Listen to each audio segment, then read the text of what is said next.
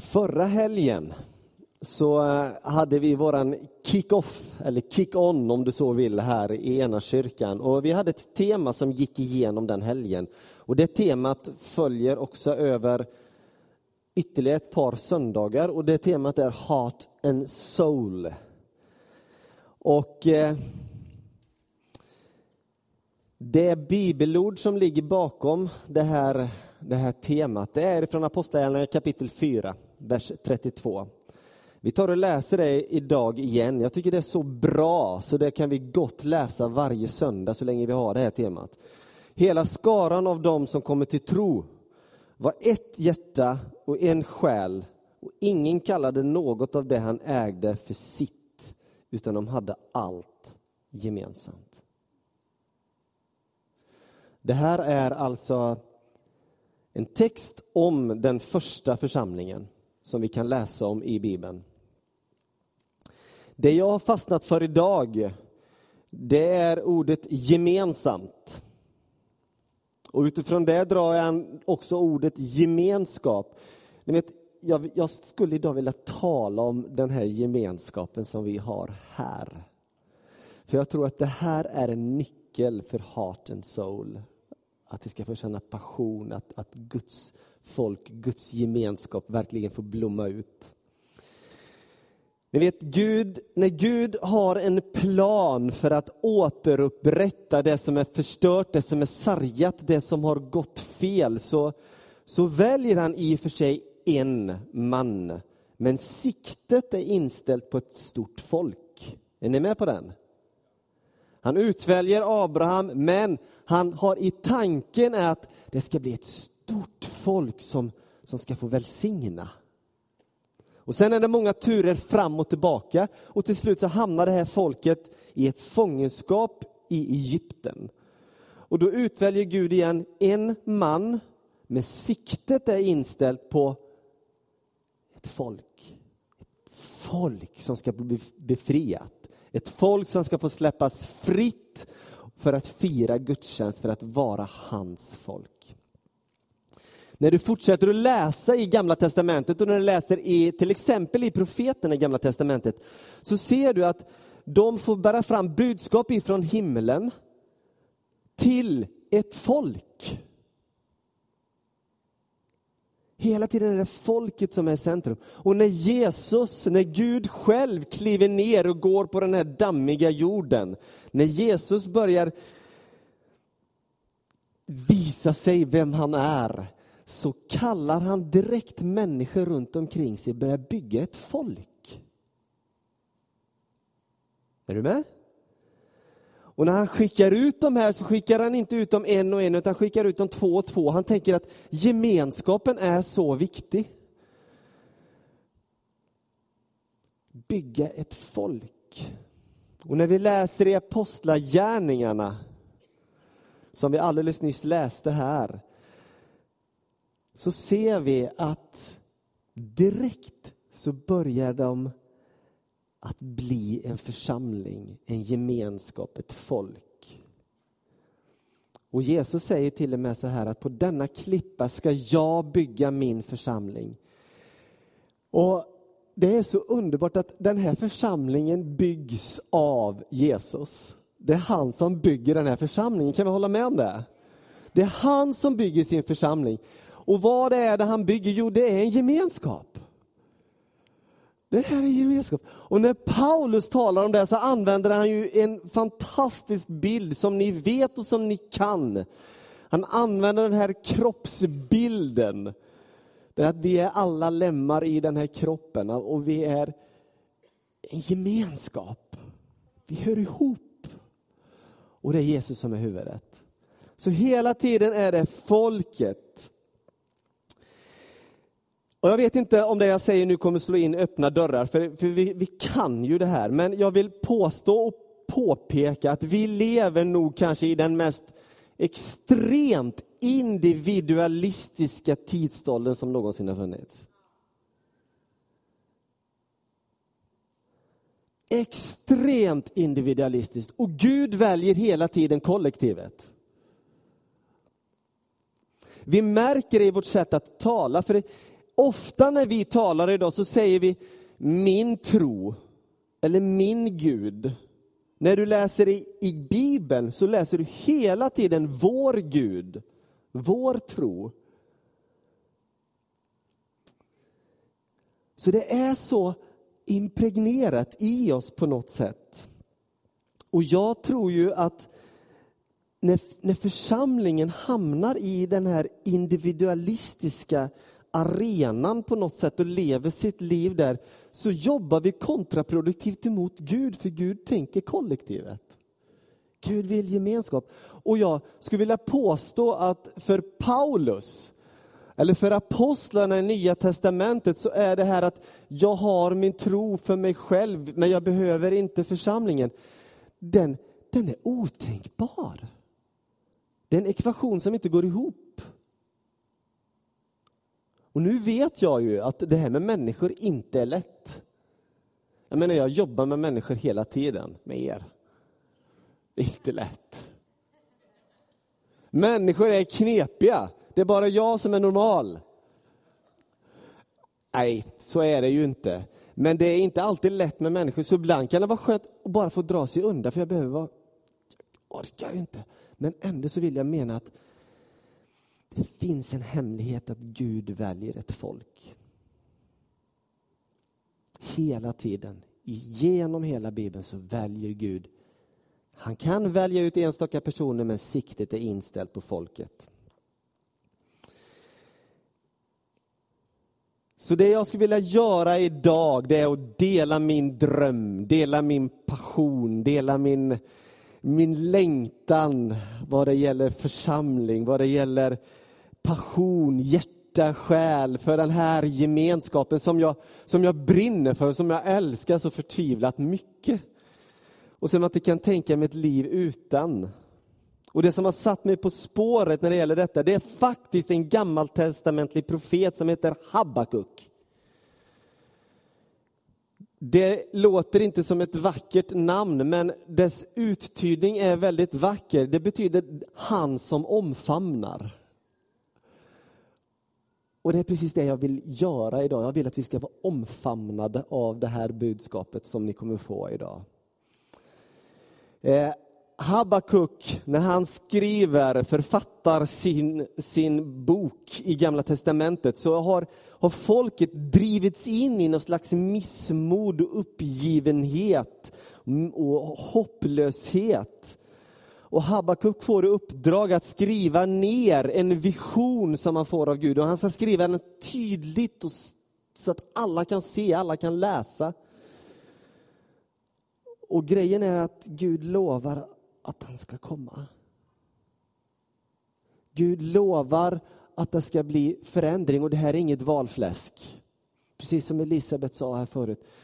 Det Gud lovar, det håller han.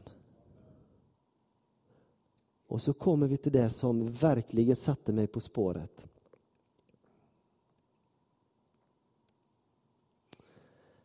Herre, jag har hört budskapet om dig och jag bävar. Herre, ge liv åt ditt verk i våra dagar. Åt, låt det bli känt i vår tid. Det här har blivit som en bön för mig inför den här förberedelsen, den här predikan. Kan, kan vi läsa det här tillsammans? Herre, jag har hört budskapet om dig och jag bävar.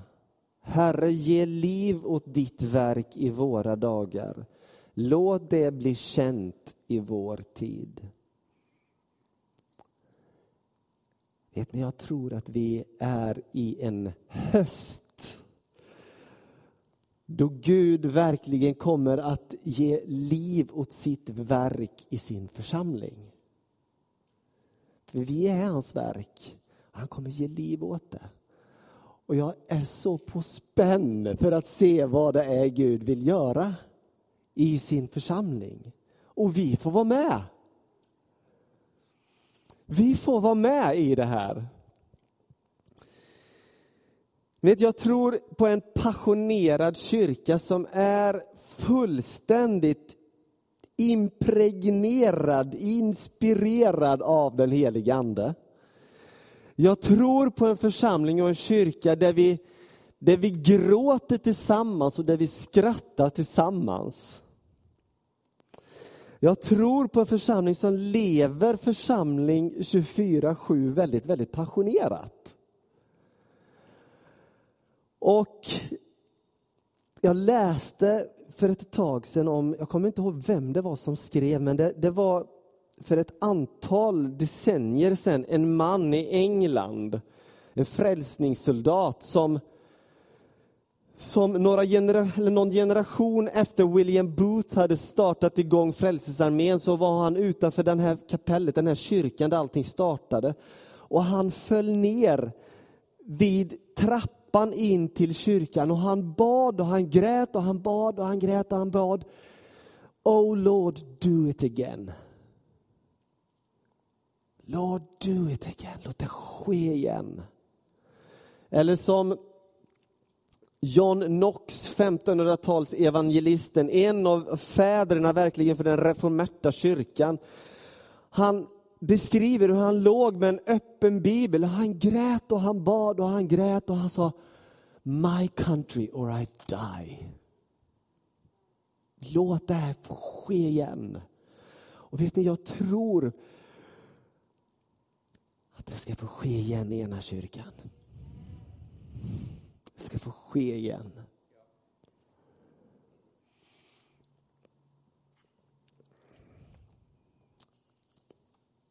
Det står, som vi läste i Apostlagärningarna 4, att ingen hade någonting Inget såg på något som de ägde, utan de hade allting gemensamt. Och, och, som jag sa innan, nyckelordet för mig är gemensamt. Och jag tänker då inte bara på materiella saker, jag tänker även på lite mjukare saker. Jag tänker även Ja, de hade, de hade allt tillsammans. Alltså, de, de grät tillsammans. Och de, de skrattade tillsammans. De levde tillsammans. Jag tror att det här att de ägde allt tillsammans, då är det också så att din gråt är min gråt. Det du känner en sorg över, det känner jag också sorg över, för vi är ihop. Eller när du känner glädjen i ditt liv så är det också min glädje, för jag delar den så med dig. För mig är det här församling. De ägde allt tillsammans. Och Det är inte bara prylar, utan det är, det är livet.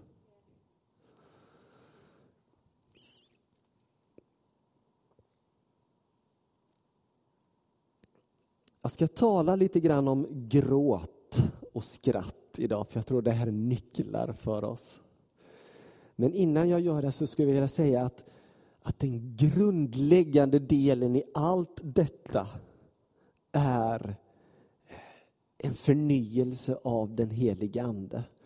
För, för gråt och skratt är sånt som, som vi inte kan mana fram, utan det måste få komma inifrån genom den helige Ande en förnyelse av den helige Ande.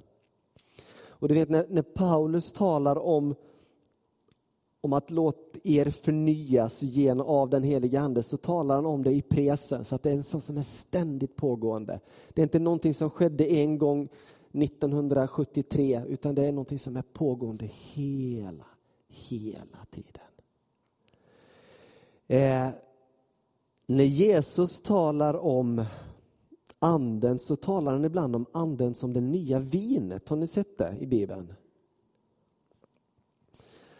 Och vid ett tillfälle i Lukas 5 och 38 så talar han om, ett, om det nya vinet, om den heliga ande som ska komma hälls i, i nya säckar, nya vinsäckar. Känner ni igen det bibelstället? I grekiskan, om jag får vara lite teolog här nu, i grekiskan så, så finns det, används det i det här Jesus-citatet två olika ord för nya. Det står faktiskt så här, nytt neon är det grekiska ordet. Nytt vin, nytt neon, nytt vin hälls i nya kairos vinsäckar. Är ni med? Alltså neon och kairos är två olika grekiska ord som används här. Så det Paulus säger, det är att neon, det som är nytt, det som inte förut har funnits, det som är helt, helt nytt, det hälls i någonting som har förnyats. Det som är gammalt men som har förnyats. Och där har vi församlingen. En församling som har förnyats så att vi kan ta emot det Gud vill ge oss. Det är vad Jesus talar om. Och hur förnyade man vinsäckarna på den här tiden? Jo, man la dem i blöt. Och man smorde in dem med olja. Och de blev elastiska igen. Och vet ni, jag tror att vi är en församling som ska få ligga i blöt ordentligt. Och ni vet, Guds ord i Bibeln liknas ofta vid ett vatten. Så jag tänker att få ligga i blöt är att få vara liksom utsatta för Guds ord, bara få ta emot av Guds ord. Låta Guds ord förvandla och förnya vårt sätt att tänka. Ni vet, att vi får lägga oss i den här blö, rotblötan. Och sen att vi får ta upp och smörjas med olja. Vad är olja en bild på? Den helige Ande. Så vi får ta emot liksom allt det här Gud ger. Och där tror jag att tårarna har sin plats. Och jag tror att glädjen har sin plats och det är det jag vill komma till här idag.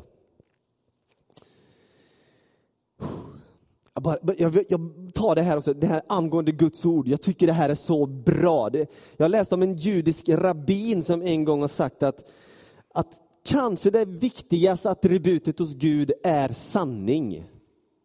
Jag vet inte huruvida det är riktigt eller inte, men han, han lyfter fram det så här i alla fall. Och han hänvisar till, för att tar du det judiska alfabetet, eller hebreiska alfabetet, och tar den första bokstaven, den mellersta bokstaven och den sista bokstaven i det här alfabetet, så får du ordet ämet, som betyder sanning på hebreiska. Visst är det häftigt?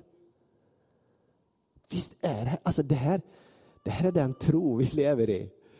Allt genomsyras av den. Det var bara ett stickspår, jag, jag bara ville ge den grejen som en liten göttegrej. Ja, det här, det här är lite... Den gamle biskopen i Sverige, Gunnar Weman, vi är inte döpta till ett liv i sparlåga utan till ett liv i tro och lydnad. Därför behöver vi andlig fördjupning som leder till att vi vågar leva ut himmelrikets krafter här på jorden. Visst är det bra? Är Svenska kyrkan, alltså jag kan, jag kan bara vänta på att hela Svenska kyrkan vaknar upp till det här. Vad kommer att hända i vårt land då? Visst är det häftigt? Yes. Jag skulle vilja säga något om gråten, tårarna. Ni vet i Matteus 21 när Jesus rider in i Jerusalem som kung, hyllas som kung. Så i Lukas evangelium så beskrivs det att han innan han gör detta så så gråter han i Getsemane. Han gråter över Jerusalem som inte vill se att Gud faktiskt är på besök. Gud är faktiskt här. Och han gråter över staden. Och det finns något härligt i den här, den här resan som han gör, för han börjar ifrån Betfage. Betfage betyder ordagrant det omogna fikonens hus. Och så rider han till Jerusalem och så vidare från Jerusalem till Betania som betyder fikonhuset. Det låter liksom konstigt alltihopa, men ni kommer att förstå. De omogna fikonens hus började han i. Och han slutade i fikonhuset. Och när han rider den här sträckan så rider han genom något som kallas för Tåredalen i Israel. Är det många som har varit i Israel förresten? Han rider genom Tåredalen. Och jag tror att det ligger en hemlighet här att för att någonting som är omoget ska mogna så går det ofta genom en Tåredal. Är ni med på den? Alltså, det, det föds genom någon form av smärta. När Jesus rider in så går det omogna till någonting moget genom tårar.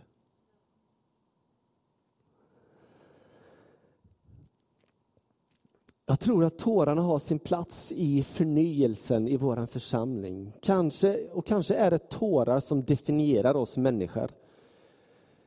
Jag har en hund hemma, jag har aldrig sett tårar i den hundens ansikte. Disney gör sitt bästa för att få oss att tro att djur gråter. Man har sett de här stora tårarna som kommer från någon björn eller någonting. Men ärligt talat, jag har aldrig sett ett djur gråta. Men en människa kan gråta. Och det spännande är att forskare menar på att den, de tårar du fäller när du skär en lök eller när du får rök i ögonen eller sånt där, de innehåller i princip vatten och salter. Men de tårar du fäller på grund av att du känner glädje eller på grund av att du känner en sorg innehåller vatten, salter och en massa slaggprodukter. Kan det vara så att tårarna kan hjälpa oss att lösa upp vissa spänningar som vi går och bär på? Jag tror att tårarna har sin plats och det här är ju faktiskt lite riskabelt att tala om för att det här kan ju bli manipulativt också. Men jag vill också mena på att vi får inte vara rädda för att låta känslorna ha sin plats i vår gemenskap. Ni vet, det här med att, att trycka bort känslorna från en gemenskap har mycket mer att göra med grekisk stoism. Du vet, det ska man inte ha med några känslor att göra överhuvudtaget, det ska vara förnuftet som... Du vet. Men i den, våra judiska mylla så är det uppenbart känslorna har sin plats.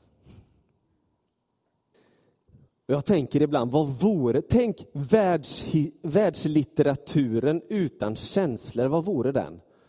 Om det inte fanns kärlek, om det inte fanns smärta, om det inte fanns sorg eller glädje. Det skulle vara så platta böcker. Tänk Dostojevskij utan känslor. Vad tomt det skulle vara.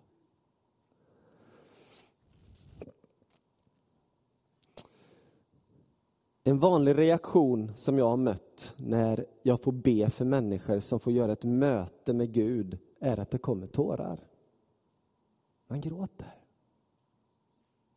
Richard Foster, en professor i USA och tillika en teolog och en, en, en, en författare som skriver otroligt bra. Han har skrivit att, att tårarna är ett väldigt tydligt tecken på Guds närvaro, på att Gud gör någonting vid en människa.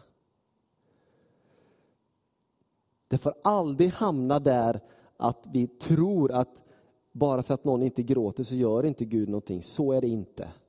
Men det är ett tecken på att Gud rör vid någon.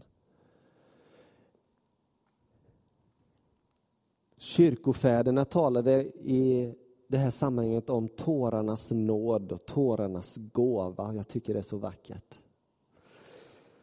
Jobb ropar så här, därför skåda mitt öga med tårar till Gud. Jesaja sa så här, jag vattnar Moabs land med mina tårar.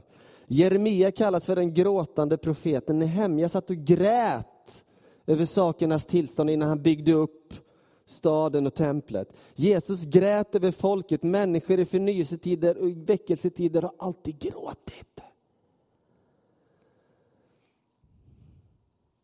Jag tror på en församling där vi alltid har en, ni vet, en sån här låda med pappersnäsdukar framme. För att Gud rör vid oss.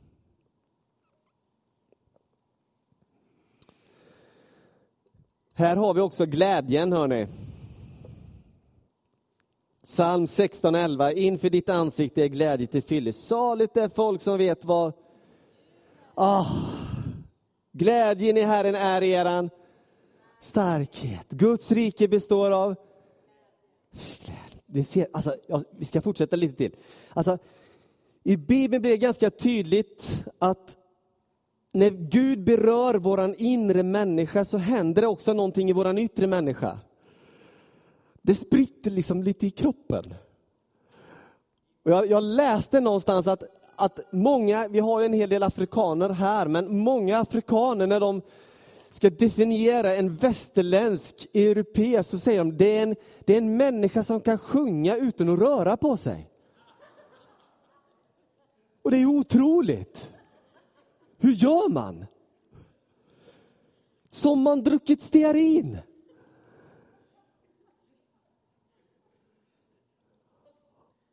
Vet ni, jag tror det är dags för att det händer lite grann i hela kyrkan.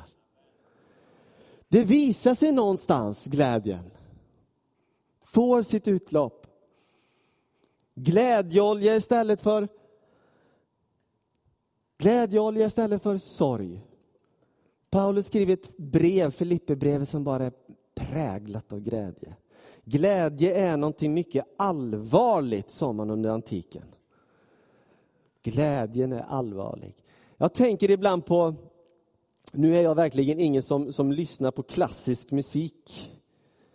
Men eh, ändå så är det en symfoni och det är Beethovens nionde symfoni. Är någon som vet hur den går? Det är den här Freude, Freude, Freude sjunger kören. Och då, i, det, alltså i det stycket så är det som liksom håren reser sig på mig. Liksom. jag tycker det är så vackert. Och sen så, jag tror det har att göra med bakgrunden. För ni vet Beethoven han skrev fantastisk musik. Och ju längre tiden gick i hans liv så började han tappa sin hörsel. Och till slut var han helt döv. Han kunde inte höra. Och han blev deprimerad och drog sig undan och han satt undanskymd. Och där började Gud tala till Beethoven. Och han börjar skriva, fast han hör ingenting. Han börjar skriva toner som han hör inne i sig själv. Och fram kommer Beethovens nionde symfoni. Freude, Freude, Freude. Glädje, glädje, glädje, glädje, glädje. Och när han står och ska framföra den här på en av Wiens stora konserthus så är han, så är han med, han står och tittar på, på orkestern som spelar. Han hör ingenting, men i sitt inre så hör han ju vad han spelar. Och han står och tittar på dem hela tiden och när de är färdiga så ställer sig alla i publiken upp och bara gråter och gråter och gråter och applåderar. Och han ser ju inte detta för han tittar på orkestern hela tiden. Så dirigenten får säga vänd på dig. Och han ser alla som står där. Och så anar han vad som, han har gjort, vad som har hänt. Alltså en glädje som bubblar upp. Trots allt. Inte på grund av, utan trots allt. För Gud har rört i honom. Jag tror på det här för vår församling. En församling där vi gråter ihop. En församling där vi jublar och dansar ihop. Inte för att man trycker på olika knappar, men för att Guds ande har gjort ett förnyelseverk i vårt liv, i vår församling. Amen.